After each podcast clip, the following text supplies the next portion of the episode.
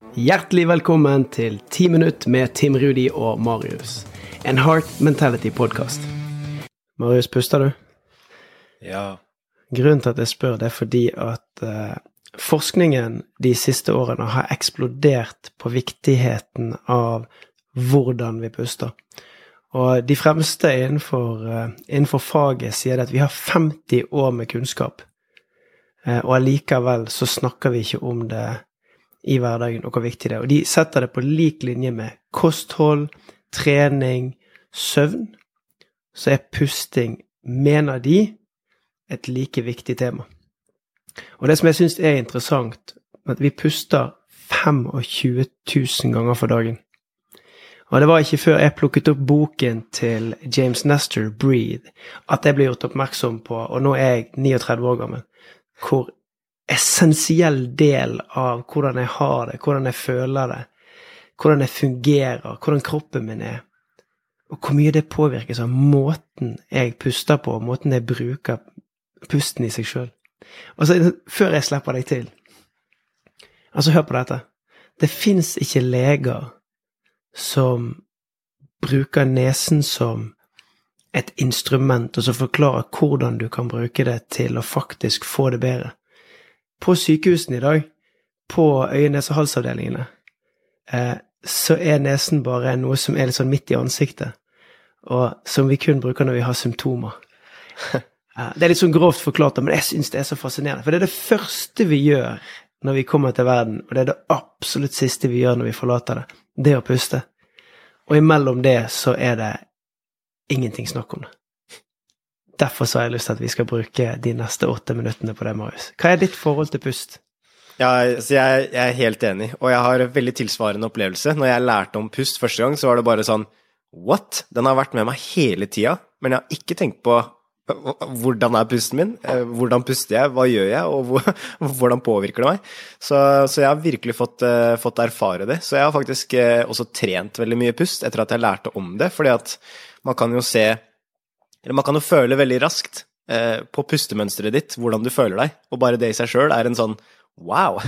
Så hvis du enten skal øke energien din eller roe ned energien din, så er jo pusten altså noe som du faktisk må forholde deg til, og noe som du faktisk må tenke litt på. Så, så det er jo en av, en av de tinga som jeg virkelig har ja, Jeg skal lese en bok hvor det sa det som du sa, at det er det første vi gjør, og det siste vi gjør. Og mm. det er også det første som tilpasser seg nye omgivelser. Mm. Så, så hvis du går inn i en situasjon, så kan du faktisk legge merke til det på at oi, du begynner å puste annerledes. Hvis du er litt usikker, utrygg, oi, pusten går kanskje litt opp i brystet, den blir litt kortere. Versus hvis du er sammen med vennene dine, og du, du har det bra, så kanskje du du puster helt annerledes. Så, så, så, pusten påvirker oss enormt mye, og det er så bra at vi kan snakke om det og dele kunnskap om det, fordi det har virkelig ja, det har fascinert meg utrolig mye, og det er så kraftfullt. Og når du i snitt er på 14-15 per minutt, så er det faktisk sånn at man er i det, i det, sympatiske systemet så er man sånn mildt påvirket.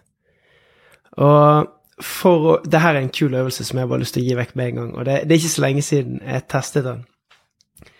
Skal vi ned på fem, så må vi da altså puste eh, ti Ja Ti-tolv pust Nei, hvordan blir det?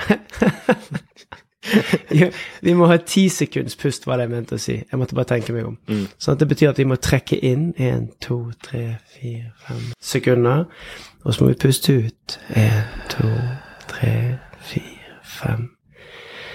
Og når jeg ble introdusert eh, for det her Jeg var på et foredrag med han Audun Mykje. Og så gjorde han det live i salen og fikk 500 eh, stykker til å sitte og puste med hans telling. Vi holdt på i to minutter. Og jeg kjente bare at plutselig bare roet kroppen seg helt. Mm. Så var jeg liksom Kjente at nå er jeg i balanse. Så det var Det fascinerer meg veldig hvordan, hvordan vi så enkelt kan bruke pusten til å regulere oss, sånn som du sa. Og da regulerer vi oss ned.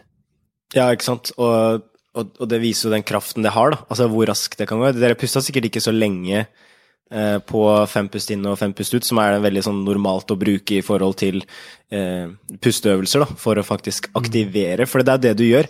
Du, du, er aktiv på pusten din, sånn at du påvirker systemene som pusten er kobla til. Og, Jeg har jo virkelig erfart det når jeg f.eks. har eh, isbada. Så når du Ja. isbader, så da må du bare jobbe med pusten din. Fordi hvis du puster sånn som du instinktivt har lyst til å puste når du isbader, så trigger du jo da eh, systemet til å tenke at det er panikk. Fordi at hvis du puster i et panikkmønster, så aktiveres kroppen, og du, du får lyst til å bare løpe. Men mm. der må du faktisk trene på å finne roen med pusten. Og det er sånn rå trening. Når du blir superaktiv, så må du faktisk overstyre det, og måten du overstyrer det, er med pusten. Fordi du kan ikke si til deg sjøl 'nei, slapp av, slapp av, ro ned', fordi at du har ikke noe verbalt system i hjernen som kan eh, ha kontakt med nervesystemet. Men pusten snakker. De er gode venner.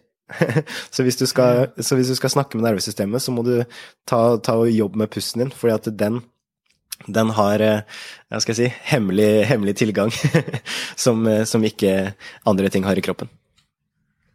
Og så en ting til som har fascinert meg med dette rundt pust, er om man puster med nesen eller med munnen. Eh, og sånn statistisk sett så er det 25-30% av befolkningen er mouth breathers, eller munnpustere. Og det kommer visst med en hel rekke med negative helsekonsekvenser.